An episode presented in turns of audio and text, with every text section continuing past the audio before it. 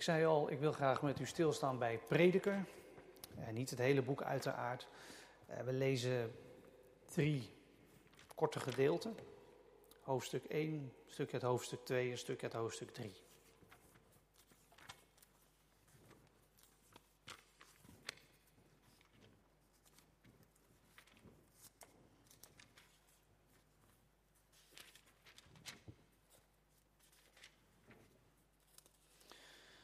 We beginnen met prediker 1, vers 1 tot en met 11. De woorden van prediker, de zoon van David, koning in Jeruzalem. Eén en al vluchtigheid, zegt prediker. Eén en al vluchtigheid. Alles is even vluchtig. Welk voordeel heeft de mens van al zijn zwoegen waarmee hij zoekt onder de zon? De ene generatie gaat, de andere generatie komt, maar de aarde blijft voor eeuwig staan. De zon gaat op, de zon gaat onder. Ze hijgt naar haar plaats waar ze opging. De wind gaat naar het zuiden en draait naar het noorden. Al draaiend en draaiend gaat de wind. En al draaiend keert de wind weer terug. Alle rivieren gaan naar de zee, toch raakt de zee niet vol. Naar de plaats van waar de rivieren kwamen, daarheen keren ze terug om vandaar weer verder te stromen. Alle dingen zijn zo vermoeiend dat niemand het kan uitspreken. Het oog wordt niet verzadigd van zien, het oor wordt niet vol van horen. Wat er geweest is, dat zal er weer zijn. En wat er plaatsvindt, dat zal weer plaatsvinden. Er is niks nieuws onder de zon. Is er iets waarvan men kan zeggen: kijk eens, dat is nieuw? In de eeuwen die voor ons geweest zijn, is het er al geweest. Er is ook geen herinnering aan de vroegere dingen. Ook aan de latere dingen die nog komen zal geen herinnering zijn bij hen die daarna komen. Dan hoofdstuk 2, 18 tot en met 23. Ik haatte al mijn gezwoeg, waarmee ik zwoegde onder de zon. Zwoegen dat ik zou moeten overlaten aan de mens die er na mij zal zijn. Dus het resultaat van het zwoegen wat ik moet overlaten aan de mensen die na mij komen. Want wie weet of die, die mensen die na mij komen, wijs zullen zijn of dwaas. Toch zal diegene die na mij komt beschikken over mijn zwoegen, alles wat ik met mijn gezwoeg bereikt heb. Waarmee ik, zij het met wijsheid, heb gezwoegd onder de zon. Ook dat is vluchtig. Zo kwam ik ertoe mijn hart te doen wanhopen vanwege al het zwoegen waarmee ik had gezwoegd onder de zon. Want is er een mens wiens zwoegen met wijsheid, met kennis en met bekwaamheid geschiet, hij moet die als een deel overgeven aan een mens die er niet voor gezwoegd heeft. Ook dat is vluchtig en een groot kwaad. Ja, wat heeft een mens aan al zijn gezwoeg en aan wat zijn hart najaagt, waarvoor hij zoekt onder de zon? Want al zijn dagen zijn vol leed en zijn bezigheid is verdriet. Zelfs s'nachts komt zijn hart niet tot rust. Ook dat is vluchtig. wil hoofdstuk 3 nog een kort gedeelte, vers 9 tot en met 13. Welk voordeel heeft hij die werkt van datgene waarvoor hij zoekt? Ik heb gezien welke bezigheid God de mensenkinderen gegeven heeft om zich daarmee te vermoeien. Of je zou kunnen vertalen om zich daarmee te kwellen. Hij heeft alles op zijn tijd mooi gemaakt. Ook heeft hij de eeuw in hun hart gelegd. Zonder dat de mens het werk dat God gedaan heeft van het begin tot het eind kan doorgronden. Ik heb gemerkt dat er voor hen niets beters is dan zich te verblijden en het goede te doen in hun leven. Ja, ook dat ieder mens eet en drinkt en het goede geniet van al zijn gezoeg. Dat is een gave van God. Tot zover de lezingen.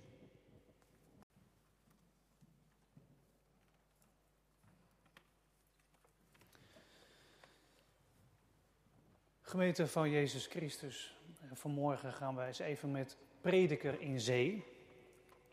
Uh, dat is wel een beetje een waagstuk, want Prediker is wel een tamelijk heftig Bijbelboek.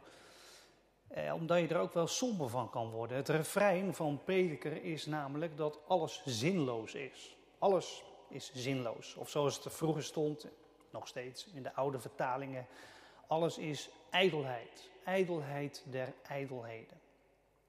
Vluchtig staat er in de herziene statenvertaling. In de nieuwe Bijbelvertaling is dat ook heel mooi vertaald. Met lucht en leegte. Prediker zegt lucht en leegte, alles is lucht en leegte. En dat is wel mooi vertaald, om, omdat het een alliteratie is natuurlijk, lucht en leegte. Maar ook omdat het Hebreeuwse woord wat daar staat, wat dus in die oude vertalingen met ijdelheid is vertaald, dat betekent zoiets als adem of damp, iets vluchtigs, lucht, lucht en leegte. Alles is lucht en leegte. Het zou kunnen zijn dat je bij jezelf denkt, vind ik een slechte keus. Eh, prediker, in een crisistijd lezen, ik ben al somber genoeg van al dat virusgedoe. Of misschien heb je daar niet zo'n last van, ben je optimistischer gestemd. Er mag weer meer, het gaat vooruit. Nou ja, hoe het ook zit, eh, in alle gevallen is het toch best goed om eventjes met prediker op te trekken. Prediker laat je namelijk nadenken. Nadenken over je leven, waar je nou eigenlijk mee bezig bent. Nou is het wel een belangrijke vraag uh, hoe we vandaag prediker moeten lezen. Zijn boodschap is best negatief. Het leven heeft voor hem gewoon geen diepere betekenis. Het is zinloos, absurd, lucht. En, zegt hij heel vaak in zijn Bijbelboek, alles eindigt met dood. En dood is dood voor prediker. Dus ja, waarom staat dit eigenlijk in de Bijbel, hè, dit Bijbelboek? Nou geeft het Bijbelboek Prediker zelf een aanwijzing voor hoe je prediker moet lezen.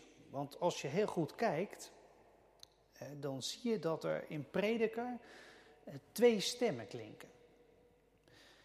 De stem die het, die het langst klinkt, dat is de stem van prediker zelf. Die klinkt van hoofdstuk 1 vanaf vers 12 tot helemaal het eind, halverwege eh, hoofdstuk 12, het laatste hoofdstuk. En in dat gedeelte is die prediker zelf aan het woord. Het is een ik-tekst.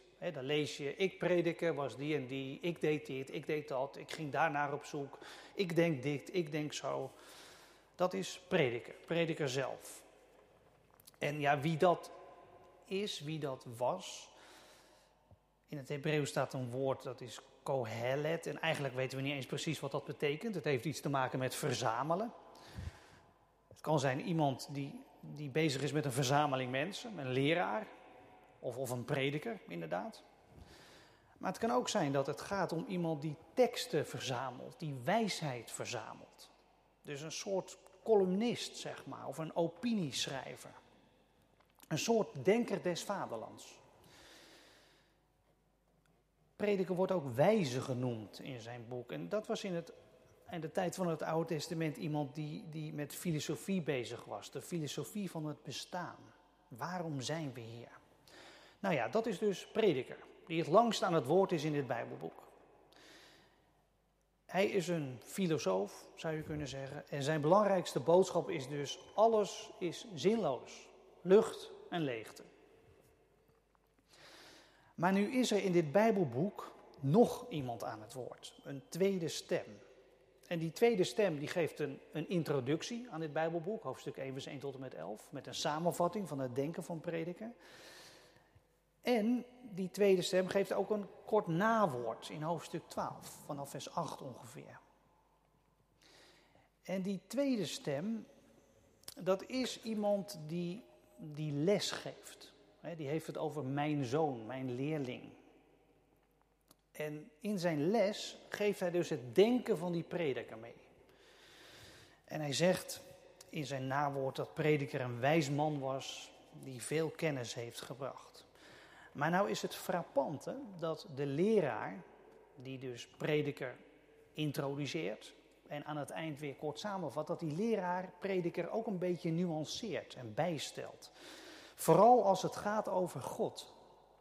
God heeft meer te zeggen over de zin van het leven dan prediker naar voren brengt. Nou is het wel een leraar met lef. Kijk, die leraar zegt niet tegen zijn leerlingen en tegen ons, dat boek prediken moet je maar niet lezen. dat is best een eng boek eigenlijk. Gevaarlijke stuf, beetje ketters volgens ons geloof, want dat is eigenlijk wel zo. Prediker zegt dingen die helemaal niet zo passen bij de rest van de Bijbel.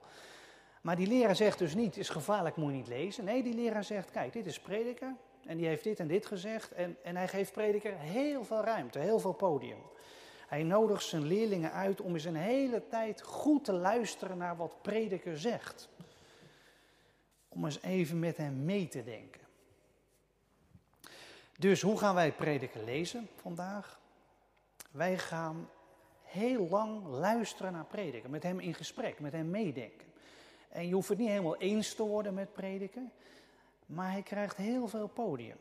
En, en al zijn vragen, die, die laten we hem gewoon stellen aan ons. Dat is uh, de afspraak voor morgen, zeg maar. Geen vraag is verkeerd. Prediker mag al zijn vragen stellen. We kappen hem niet af.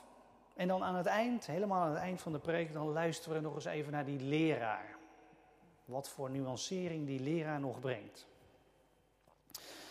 Goed, dat eventjes eh, ter inleiding eigenlijk op, uh, op de preek. Uh, wij gaan vandaag met prediker in gesprek over zwoegen. Prediker snijdt allerlei dingen aan, kennis, rijkdom, wat daar het nut van is. Maar vandaag gaan wij het met hem hebben over ons gezwoeg. Wij zwoegen allemaal. Dat, dat hoort gewoon bij, bij mens zijn.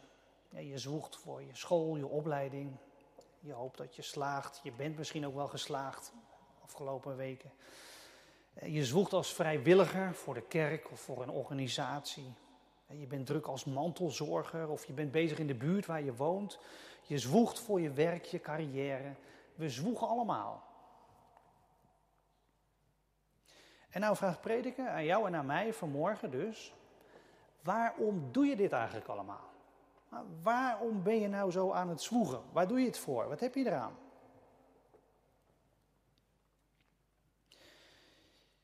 Nou, daar heb ik zelf ook wel eens even over na zitten denken toen ik deze preek aan het maken was.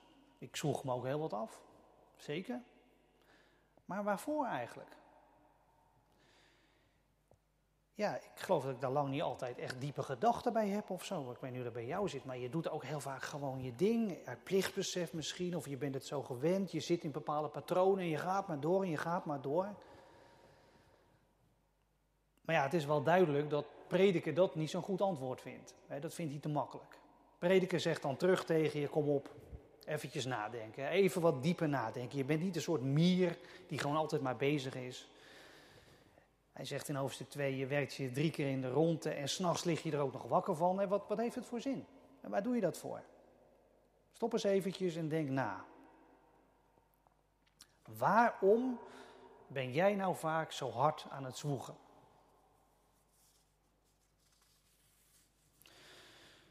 Nou, prediker, laten we eens een heel idealistisch antwoord geven op je vraag. Wij zwoegen zo hard vaak omdat we iets goeds willen neerzetten. We willen bijdragen aan een betere wereld, een betere maatschappij. Oké, zegt prediker dan terug, eh, maar wat, wat maakt jouw bijdrage nou eigenlijk voor verschil? In alles wat er in de wereld gebeurt. Hij zegt mensen gaan en mensen komen en wat ze doen dat zijn eigenlijk maar een soort krasjes op de bergwand van de geschiedenis. De aarde draait maar door en die draait maar door en de zon gaat op en de zon gaat onder en het water gaat altijd maar dezelfde gang. In ons wereldbeeld zou prediker zeggen, al dat gezwoeg en dat geploeter, het is een betekenisloos rimpeltje in miljarden, miljarden jaren geschiedenis van het heelal. Het is zinloos.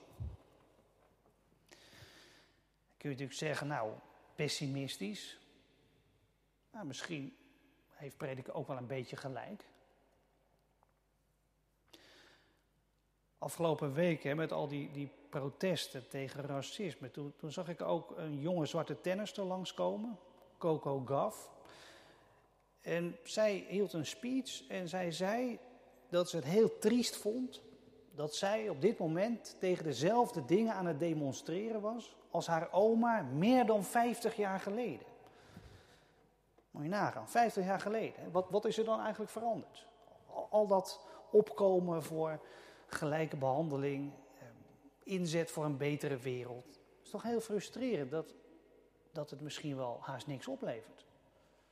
Zwoegen is zinloos. Nou ja, dat, dat zegt prediker dus. Levert toch haast niks op, joh. Zwoegen is zinloos.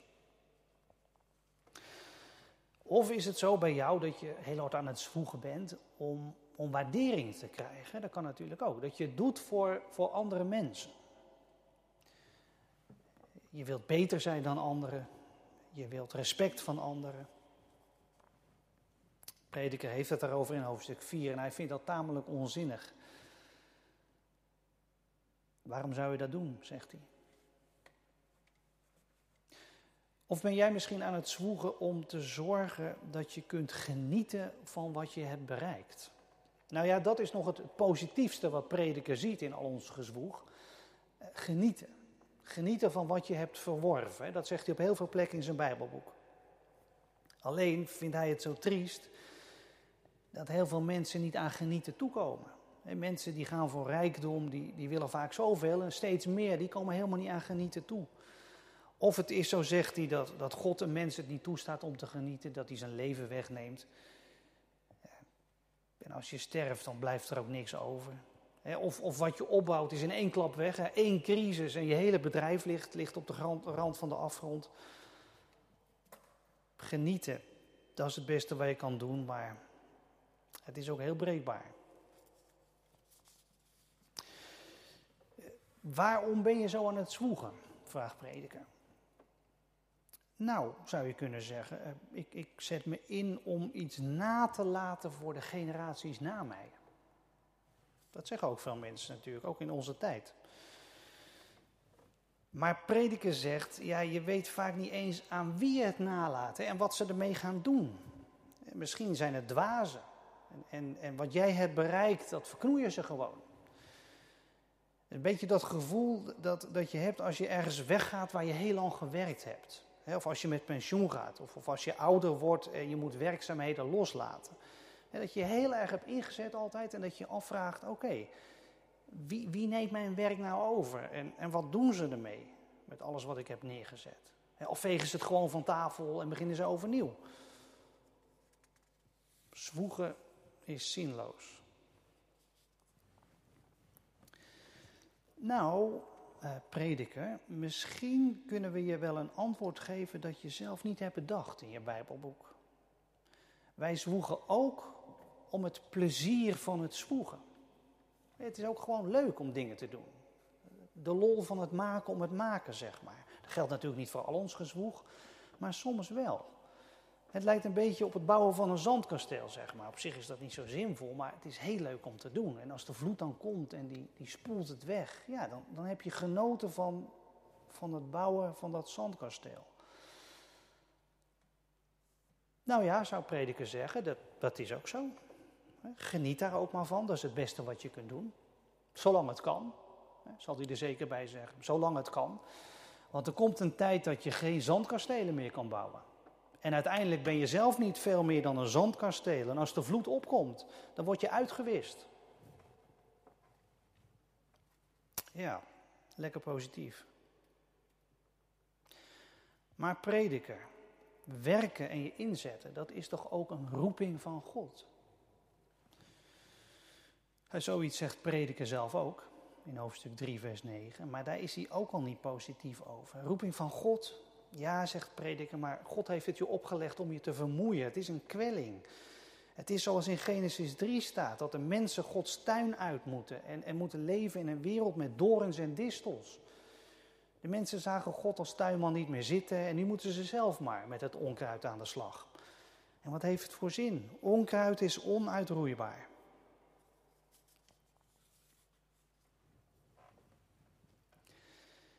Weet je, op een gegeven moment dan ben je ook wel klaar hè, met prediken, met dit gesprek. Prediken blijft toch negatief. En, en wat je ook als antwoord geeft op de vraag waarom zoek jij eigenlijk, hij, hij weet er altijd wel iets negatiefs van te maken. Wat, wat is eigenlijk het doel van zo'n gesprek?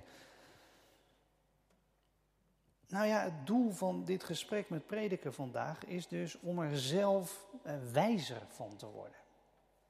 Om, om meer inzicht te krijgen in, in wat nou jouw drijf is om de dingen te doen. waarom zwoeg jij nou zo hard? Doe je het voor jezelf, voor anderen, om het zwoegen zelf? Doe je het om de credits of om de eer of om aan de toekomst te bouwen? Waarom? Ja, prediker kraakt al onze antwoorden af. En, en eigenlijk is het ook geen onzin wat hij zegt. Er zit echt wel wat in. Ik denk dat het tijd is om, om, om even naar die tweede stem te luisteren. Hè? Die leraar die ons prediker vandaag, uh, met prediker vandaag laat kennismaken. Om, om eens even te luisteren wat, wat hij nog te zeggen heeft. Aan het einde van het Bijbelboek. Die leraar zegt aan het einde van het Bijbelboek, hoofdstuk 12, vanaf vers 8, dan zegt die prediker, de denker, hij had een boodschap. En zijn boodschap, als je dat wil samenvatten, is: alles is, is lucht en leeg. Alles is zinloos. Dat is zijn boodschap. Maar zegt die leraar: ik, ik zeg je vandaag dit, dit moet je goed onthouden. Als je dit hele gesprek hebt, hebt gehad, moet je dit goed onthouden. Heb ontzag voor God en houd je aan zijn geboden. Want God oordeelt over wat je doet, over al je gezwoeg. 12 vers 13 en 14. Volgens de leraar die ons vandaag met prediken laat praten, moet je dit onthouden aan het einde van de preek. Heb ontzag voor God en houd je aan zijn geboden. Nou moet je bij die geboden van God niet denken aan, aan regeltjes, regeltjes voor intermenselijke logistiek of zo, soort morele verkeersregels, omdat het anders een chaos wordt. En bij die geboden moet je ook al helemaal niet denken aan een soort spaarprogramma voor een mooie beloning. Nee, in de aanwijzingen van God, de, de geboden van God, daarin zit de hele hoop van het Oude Testament. Die geboden van God laten zien dat, dat God niet onverschillig is over wat er in de wereld gebeurt, over wat jij doet. Nee, de Heere God heeft een, een hele duidelijke mening over wat er gebeurt en ook over wat jij doet. En sommige dingen vindt Hij goed en andere dingen helemaal niet. En dat komt, zegt de Bijbel, omdat onze God met deze wereld op weg is naar een betere wereld. Een wereld zonder kwaad, zonder dood, zonder zonde. Zonder egoïsme, zonder haat, zonder minachting voor elkaar. Zonder ongehoorzaamheid aan God. Zo'n wereld. En alles wat die nieuwe wereld een heel klein beetje dichterbij brengt, wat past bij die nieuwe wereld, dat is goed, zegt God. Dat is goed in Gods ogen. En alles wat jij en ik, wat wij doen en dat ingaat tegen Gods nieuwe wereld, dat is niet goed, zegt God. Dat valt onder Gods oordeel. En weet je, dat, dat zegt eigenlijk heel veel over ons gezwoeg. Over ons leven, over alles waar wij mee bezig zijn. Het zegt alles over wat wel of niet zinloos is. Kijk, alles wat jij doet, wat u doet, tegen Gods plannen in, dat is zinloos.